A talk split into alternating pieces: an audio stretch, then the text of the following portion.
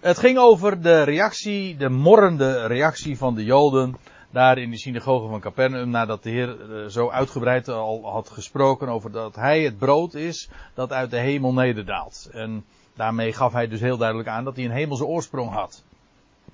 Dat een van de grote thema's trouwens ook is in het Johannesevangelie. Dat Hij, daar begint Johannes ook mee, dat Hij het vlees geworden woord is. Hij had een voorbestaan. Dat is meteen ook een, natuurlijk een onderwerp waar ook eh, als u mij vraagt, heel veel misverstand over bestaat. Men zegt dan dat de zoon, dat hij voorbestond als zoon van God. Maar dat, dat kent de schrift niet. Hij is juist de zoon van God geworden door zijn verwekking uit de maagd Maria. Daardoor werd hij de zoon van God. In welk opzicht bestond hij tevoren? Wel, Johannes zegt, hij was het woord. Het woord waardoor ooit eens de hele wereld gemaakt is. God sprak en het was er. Wel, dat woord is hij. En dat woord is toen vlees geworden. Er kwam een woord tot Maria. En dat was levend woord. En dat, en dat woord werd vlees. Dat wil zeggen, er werd, uh, hij, werd, uh, hij werd geboren. En daarmee werd het woord vlees. Dus ja, in welk zin uh, bestond hij tevoren? Nou, Johannes zegt als de logos, als het woord van God.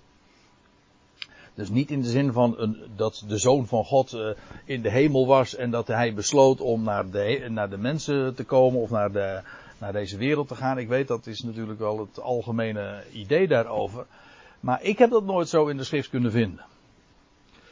Maar het is wel een van de thema's dat hij inderdaad uit de hemel is gekomen. Namelijk als de, het woord van God. Als het, of nog anders, als het woord Gods dat vlees geworden is.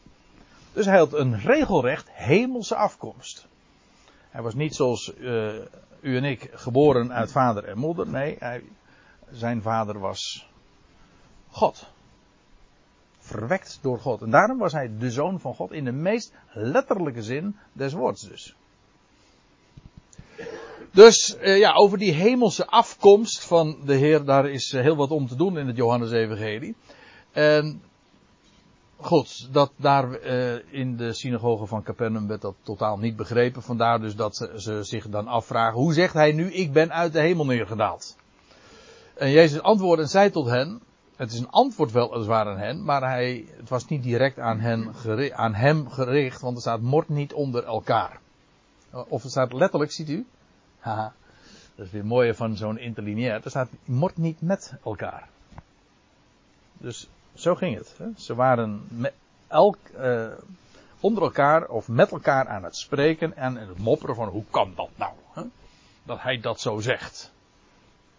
Zonder zich rechtstreeks tot hem zelf te richten. Jezus gaat aan die kritiek en aan die vragen voorbij. Maar hij zegt iets anders.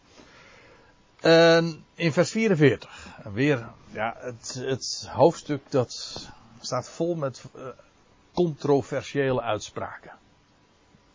Uitspraken die zo enorm veel verzet opriepen. Het is niet voor niks dat je dan aan het einde van het leest van dat, dat vele van zijn discipelen zich uh, van hem afkeren. Echt een massale afkeer. Uh, het was geen populaire toespraak daar. En dan zegt de Heer weer iets. Niemand kan tot, tot mij komen. Of zoals hier staat. Niemand kan. Heeft, is in staat tot. Mij, naar mij toe te komen. Tenzij.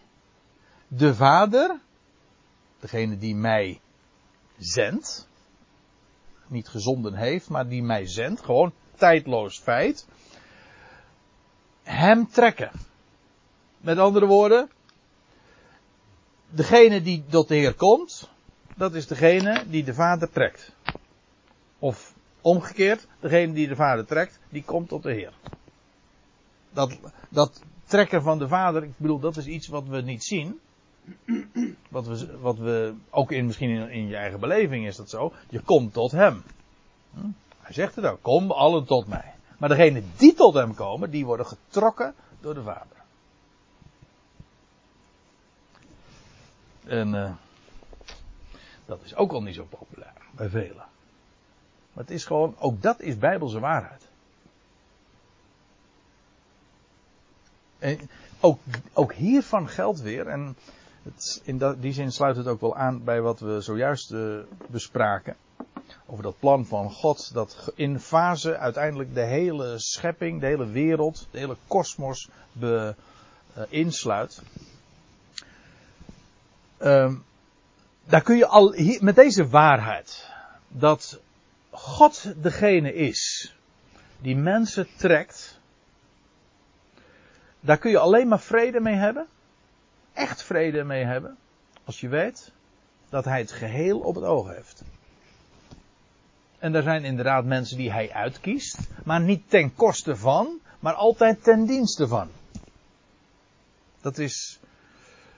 Uh, was het niet zo dat ik dat van de week nog eh, las op een, in een discussie op Facebook, Ed, hè, over, toen ging het over uitverkiezing.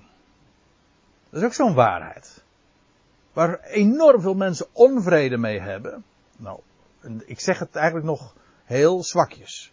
Die daar gewoon over struikelen. Die daar, voor hen is dat ook een, een enorme, en ik begrijp het heel goed, een, een obstakel om te geloven in God. Om God te vertrouwen. Dan zegt men, ja, ik bedoel, hoe wordt dat van de kansel dan gepredikt? God kiest sommigen uit. En degenen die uitgekozen zijn, die krijgen het eeuwige leven. Weet je wel? Het eindeloze leven. En degenen die hij niet uitgekozen heeft, ja, die gaan voor eeuwig dan verloren. Niet voor eeuwig, maar voor eeuwig verloren. En dan wordt, en dan wordt een bijbelse, geweldige waarheid verdraaid tot een afschuwelijke leugen, maar ook tot een doembeeld. Daar kun je nooit vrede mee hebben. Uh, je hebt juist vrede mee wanneer, wanneer er een groot God is. Die, het, die zijn hele schepping lief heeft. En die mensen uitkiest, maar ook mensen zelf trekt. Die vervolgens ten dienste gesteld worden voor de anderen, voor de rest. Juist omdat hij het geheel op het oog heeft. En in fase, God heeft de tijd. Hij heeft zelf de Ionen, de wereldtijdperken, en trouwens welke tijdperken dan ook, gemaakt. En hij geeft alles in ruimte en tijd de plek.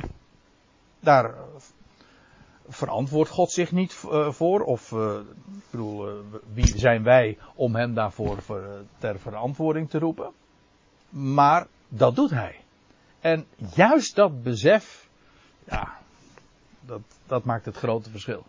Als je God zo mag kennen. Maar ook deze waarheid dus. Dat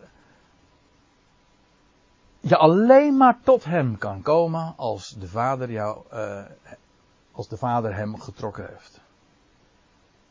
En dat betekent dus ook dat dat komen tot hem helemaal geen prestatie is.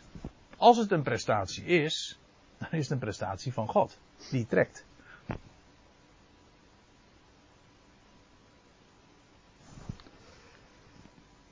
Dat zei de Heer dus, hier in de synagoge van Capernaum. En ik zal hem, zegt hij weer, in die Joodse omgeving, waar men de schriften en waar men het boek Daniel ook kende. En ik zal hem opwekken, of letterlijk, ik zal hem doen opstaan in de laatste dag. Hier weer die uitspraak. Ge, gefaseerd. Die specifieke dag. Dat er nog andere dagen ook weer zullen volgen, dat is waar. De laatste dag betekent ook niet de laatste dag, daarna komt geen dag meer, maar die, een, de laatste dag van een reeks die bekend is. Namelijk een reeks die genoemd was in, uh, in, in boek Daniel. Je ziet dat je zo enorm moet uitkijken met zomaar het, het lukrek, uh, lukraak zo'n tekst uit zijn verband drukken. Oh, de laatste dag, dus daarna komt geen dag meer. Ja, zou je denken. Zou je denken. En de Heer gaat verder. Daar, in die synagoge. Zegt hij, er is geschreven. Het, er staat geschreven. Hoe vaak zegt de Heer dat niet? Er staat geschreven. En hier uh, citeert hij de profeten, meer specifiek Jezaja, Jezaja 54. En zij zullen allen door God geleerd zijn. Dat allen is hier dan ook specifiek trouwens het, uh, een, een, nieuw, wedergeboren Israël. Laten we eventjes daar naartoe gaan. In Jesaja 54, daar staat in vers 5, want uw man, wordt hier gesproken tot Israël. Hè? Jezaja richt zich tot Israël en dan wordt er gezegd, uw man is uw maker. Nou, die relatie dat tussen Israël en, en haar God, eh, dat is een, een huwelijksrelatie. Beide verbonden hebben het karakter ook van een huwelijksverbond. Afijn, uw man is uw maker. Jaweh der Heerscharen is zijn naam.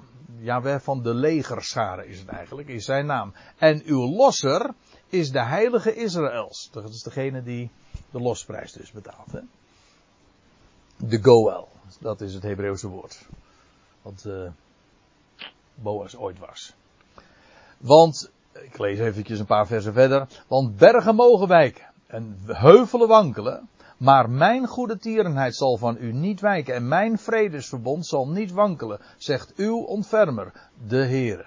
Ja, eigenlijk ook hier trouwens Yahweh, met grote letters.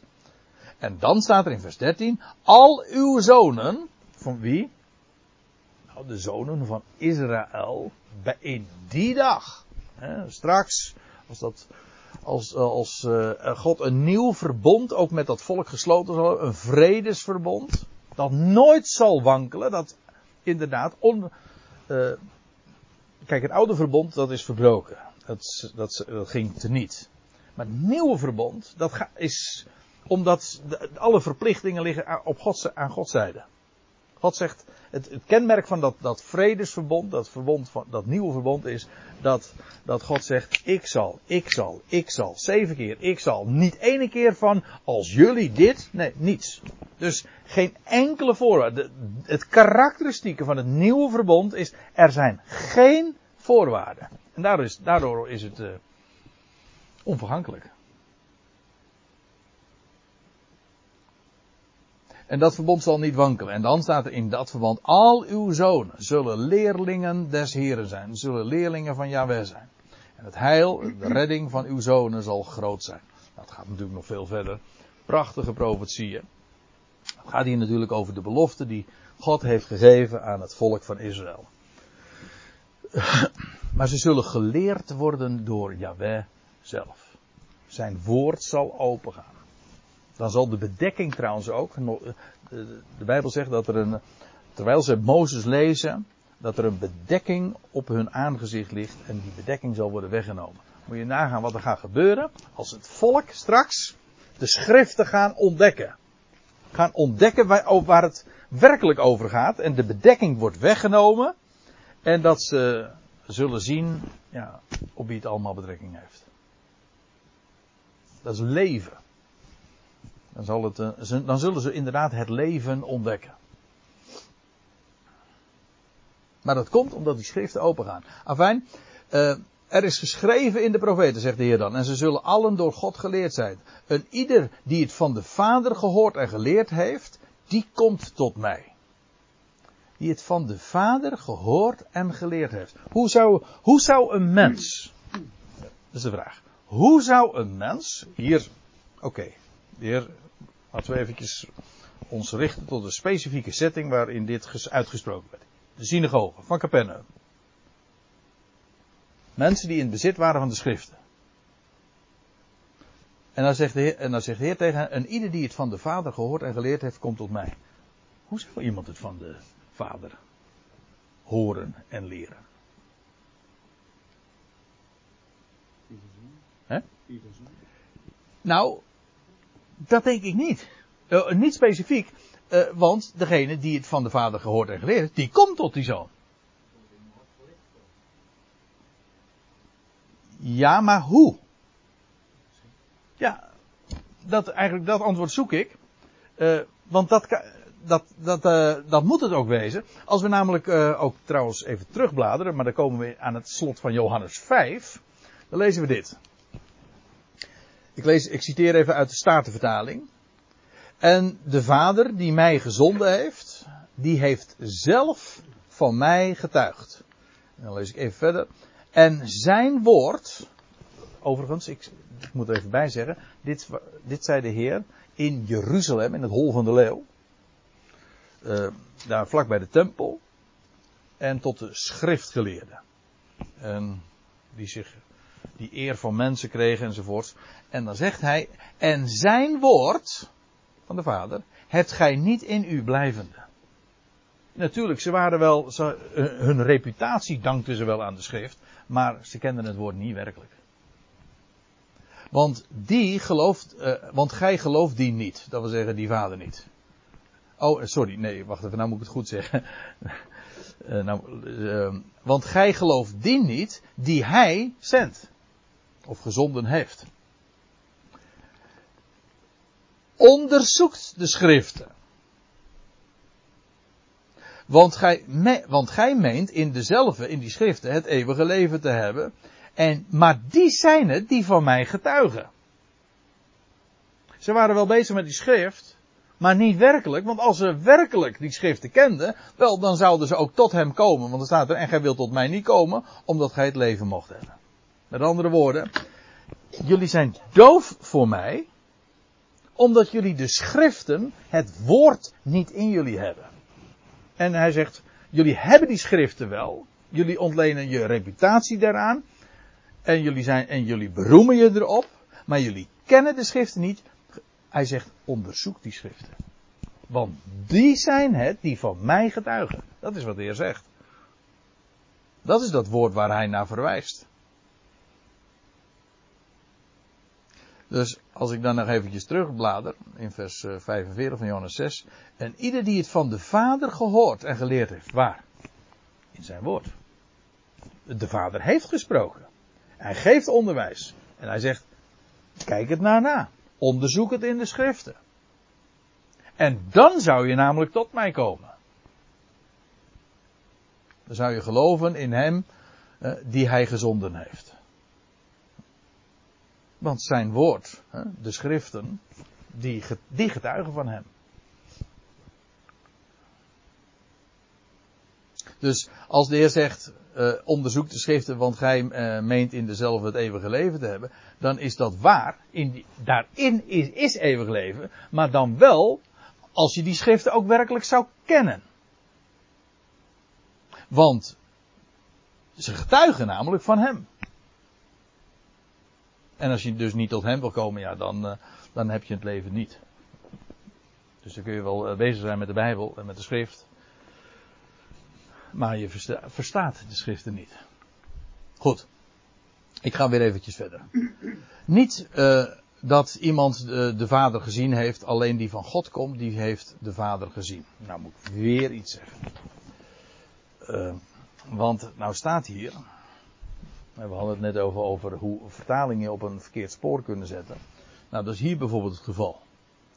Want dat wat hier vertaald wordt met die van God komt, als u nou in de interlineair kijkt, dan staat er helemaal niet die van God komt, maar die is bij de God. Hè? Zijnde bij de God. In de tegenwoordige tijd. U ziet hier, in die interlineair staat er zo'n verticaal streepje voor. Dat wil zeggen, het is de, een onvoltooide handeling, oftewel wat wij dan noemen een tegenwoordige tijd. Niet, um, het heeft helemaal trouwens niks eh, te maken met komen van. Het is zijn. Alleen die bij God, bij de God is. Zijnde bij de God. Nu, tegenwoordige tijd. Die heeft de Vader gezien. Wie, wie tekende dit op? Nou, Johannes.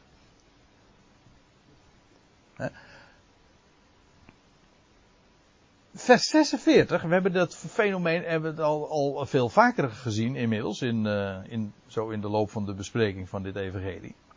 Johannes zet heel dikwijls zelf een aantekening bij de dingen die uh, hij beschrijft.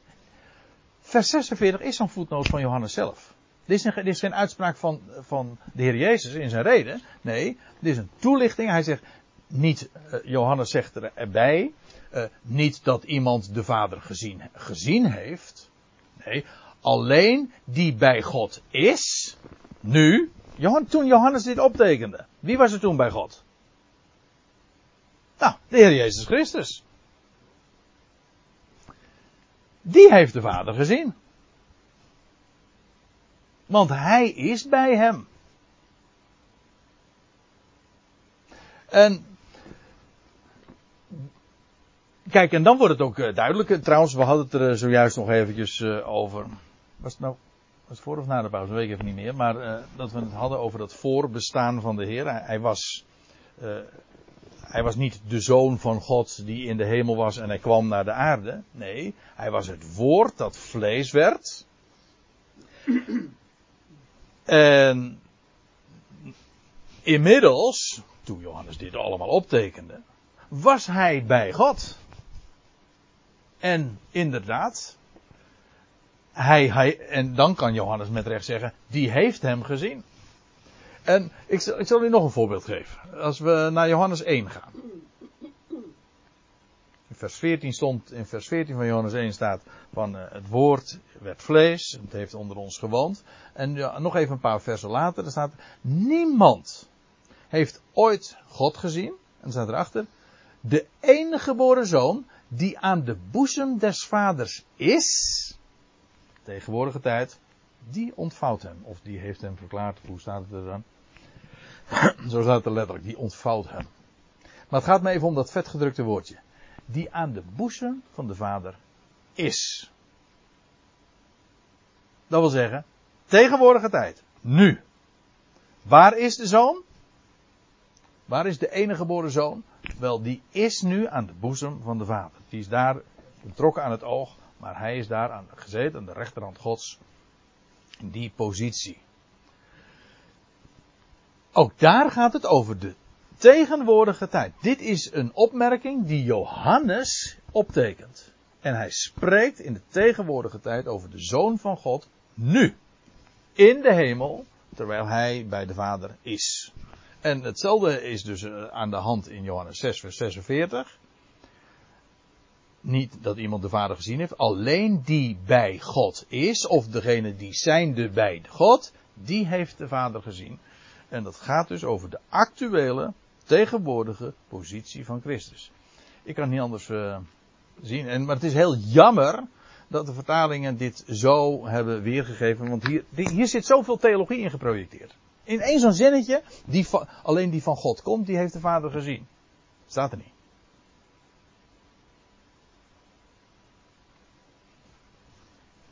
Maar het zet je wel op een verkeerd been. En waarom heeft men dat zo vertaald? Nou, niet omdat de vertaling daar, om, of omdat de grondtekst daartoe reden geeft. Maar omdat ja, hier een idee in geprojecteerd wordt. Wat iedereen toch weet. Dat, zo is het toch.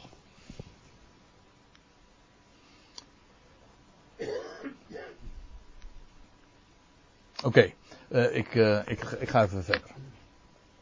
Voorwaar, amen, amen. Typ typisch Johannes Evangelie waar dat zo vaak voorkomt. Ik zeg, ik zeg tot jullie. Wie gelooft, degene die is gelovende, ook hier weer onvoltooide handeling, tegenwoordige tijd. Hè, heeft ajo eeuwig leven. Zie je? Wie gelooft, die heeft het leven van die eeuwen. Eeuwig leven. Ziet u ook de enorme nadruk waarmee de Heer dat dan ook verklaart. Degene die niet gelooft, heeft dat eeuwige leven niet. Die krijgt leven, jawel, maar dat eeuwige leven, waar de Heer het hier over heeft, dat is voorbehouden aan degene die gelooft. En dan zegt hij weer opnieuw, ik ben het brood des levens. In vers 35 had hij exact hetzelfde gezegd. Ik ben het brood van het leven. In vers 41 had hij gezegd, ik ben het brood hè, dat uit de hemel neerdaalt. Een hemelse oorsprong. Ik moest er zomaar aan denken dat hij, toen hij inderdaad geboren werd, toen werd hij geboren in een plaats die ook precies uh, die naam heeft. Bethlehem. Maar dat betekent brood, huis. Bet betekent huis en lechem is het voor, Hebreeuwse woord voor brood. Huis van brood.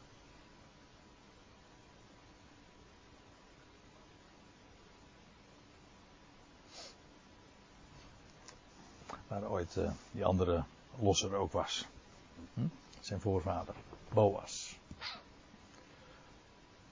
Goed, ik ben, ik ben het brood van het leven. Ik ben de, het brood van het leven. Iedere keer die verwijzing naar het leven, maar dan gaat het over het leven van de opstanding. Uw vaderen hebben in de woestijn het, het manna gegeten. En, ze zijn, en zij stierven. Ziet u? Zij stierven. Eigenaardig trouwens dat de Heer zegt uw vaderen. Of jullie, de vaders van jullie. Waarom?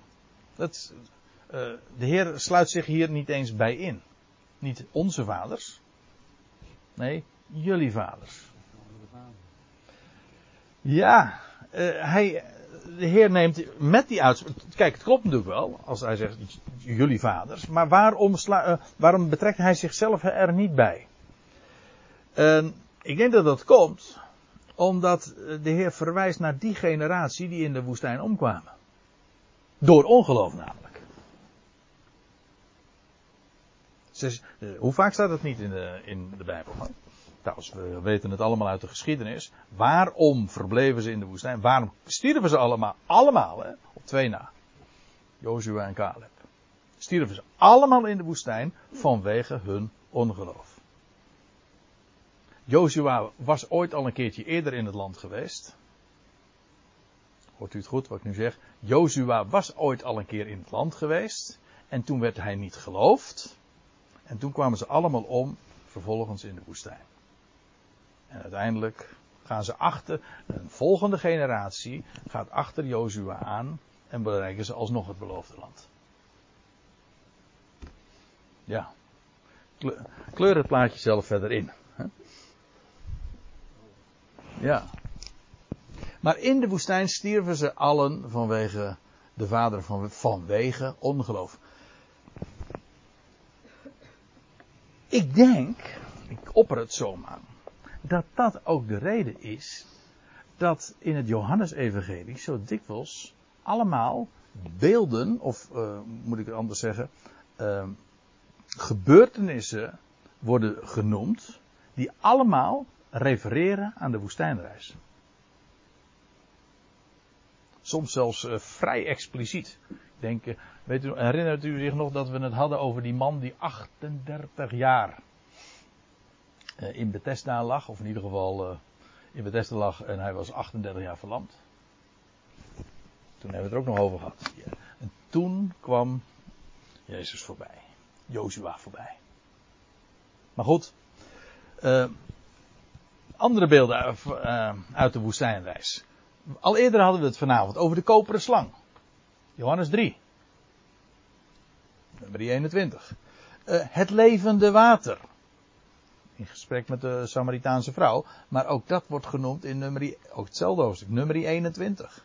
Het brood des levens. Nou ja, daar hebben we het nu uh, deze avonden over. Hè? Verwijzend ook naar het manna.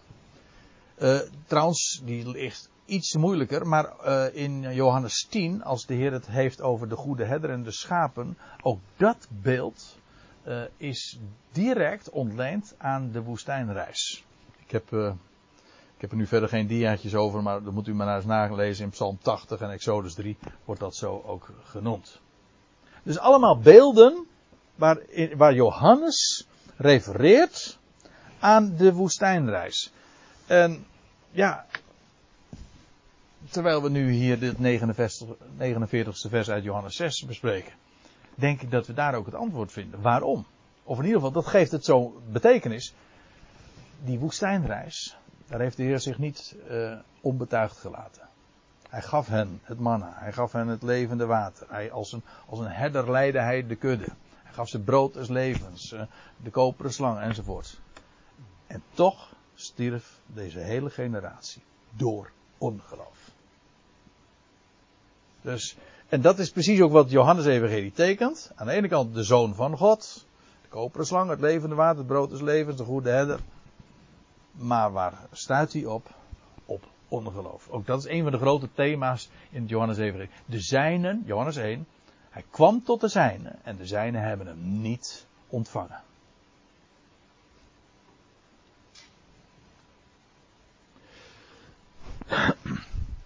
Uw vader hebben in de woestijn het manna gegeten en zij stierven. Dit is het brood dat uit de hemel neerdaalt. Eigenlijk ook hier, hier is trouwens ook weer tegenwoordige tijd. Ja, ik, kan, ik, weet niet waarom ik daar nou de laatste tijd heel vaak naar verwijs. Misschien is het wel vanwege de Griekse lessen die, die Menno Heijman de laatste maanden geeft in, in de Aker in Rotterdam. Dat hij al die dingen laat zien, hoe dat allemaal in het Grieks zit. Het heeft mij wel getriggerd. Maar ook hier moet ik er dan weer even op wijzen. Het staat hier in, de, in dit geval niet in de tijdloze aoriste vorm, maar in, uh, in, ja, in, de, in de tegenwoordige tijd, ja. Zeg ik het net nou goed? Nou ja, in ieder geval, laat ik het nu dan in ieder geval goed zeggen. Uh, dit is het brood dat uit de hemel neerdaalt. Eigenlijk dat uit de hemel aan het neerdalen is. Dat is gewoon onvoltooid. Dat uit de hemel aan het neerdalen is. Zo staat het er opdat wie ervan eet niet sterven. Dat wil zeggen, maar eeuwig leven hebben. Hè? Dat niet sterven, dat slaat dus uiteraard op het leven van de opstanding. Immers, ik zal hem opwekken in de, in de, la, oh, pardon, in de laatste dag. Ik ben het levende brood dat uit de hemel neergedaald is. Ook hier, hier is het weer een feit. Ik ben het brood, het levende, dat uit de hemel neerdaalt. Gewoon tijdloos, feit. Indien.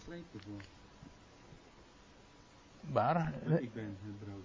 Ja, ik, ben, ik ben, nu, ja, en ook het levende. Ik ben het brood het nu levende brood, onvoltooid, dat gaat me door. Ik, ik leef. Dat vanuit de hemel neerdaalt. Hier staat dan geen, ontbreekt dat uh, verticale streepje. Dat wil zeggen, het is een aorist. Het is gewoon een feit. Tijdloos. Het daalt uit de hemel neer. Indien iemand van dit brood eet, hij zal, niet in eeuwigheid, hij zal leven tot in de aion. En waarbij de aion, als bij vraag, de laatste aion is. Want hij zal namelijk worden opgewekt in de toekomende aion. Of tegen de toekomende aion. En vervolgens uh, leven tot in de aion die daar ook op zal volgen. En staat er nog bij, en het brood dat ik geven zal, dat ik geven zal, niet dat ik nu geef, maar dat ik geven zal, dat is mijn vlees voor het leven van de wereld. Kijk, het kan niet anders dat uh, dat brood dat hij geven zal verwijst naar zijn dood, maar ik moet eigenlijk zeggen zijn opstand. Zijn hij staat op uit de doden, ja hoe? Doordat hij eerst stierf. Uh, we zullen daar de volgende keer trouwens uitgebreider uh, nog bij stilstaan. Want ik had gedacht dat ik bij vers 59 zou uitkomen vanavond. Maar helaas, deze niet uh, zo mogen wezen. Maar, ja, dan had, ik, dan had ik namelijk deze toespraak inmiddels kunnen afronden. Maar goed, het is niet gelukt. maar dan zullen we ook inderdaad zien dat de Heer verwijst naar zijn opstanding uit de doden. En het leven dat daarin aan het licht zal komen, dat leven, dat is het grote onderwerp in het Johannes-evangelie. Hij zegt ook in het vlees en het brood dat ik geven zal, wat is dat dan? Het is geen letterlijk brood, nee, dat is mijn vlees, mijn lichaam, voor het leven van de wereld. Er is iets bijzonders met zijn vlees aan de hand. Namelijk dat lichaam dat zou sterven en opstaan uit de doden. En dat is het leven van de wereld.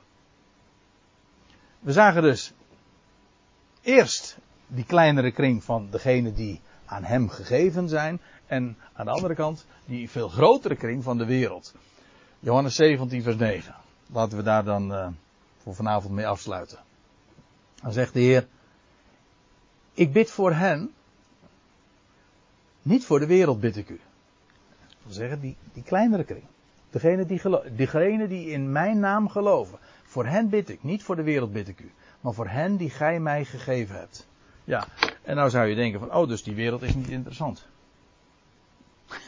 nee, helemaal niet. Maar alles op zijn tijd.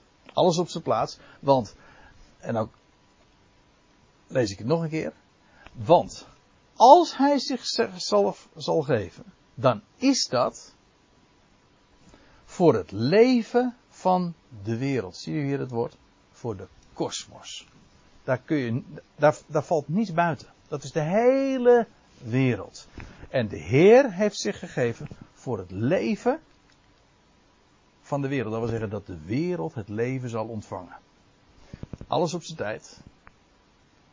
Nu degene die geloven, en uiteindelijk de hele wereld, die trouwens bij die gelegenheid dan ook zal geloven. En ook hem zal erkennen. Dus ja, ik gebruik heel graag dat beeld van, van een steen die in de vijver gegooid wordt en daar ontstaan kringeren. De, die worden steeds wijder. Nou, zo is het in de schrift ook. Uiteindelijk valt niets daar meer buiten. Heel de wereld zal het leven ontvangen waarvoor hij zichzelf, zijn vlees, heeft gegeven.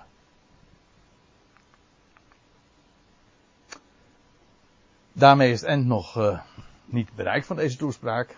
Maar in vers 52 begint dan weer een, eh, een nieuwe, nieuwe pericoop. In die zin is het wel een, mooie afsluiting. En daar beginnen we de volgende keer. En dat zal trouwens volgend jaar zijn. Ik heb even gekeken. 5 januari staat er eh, in de agenda.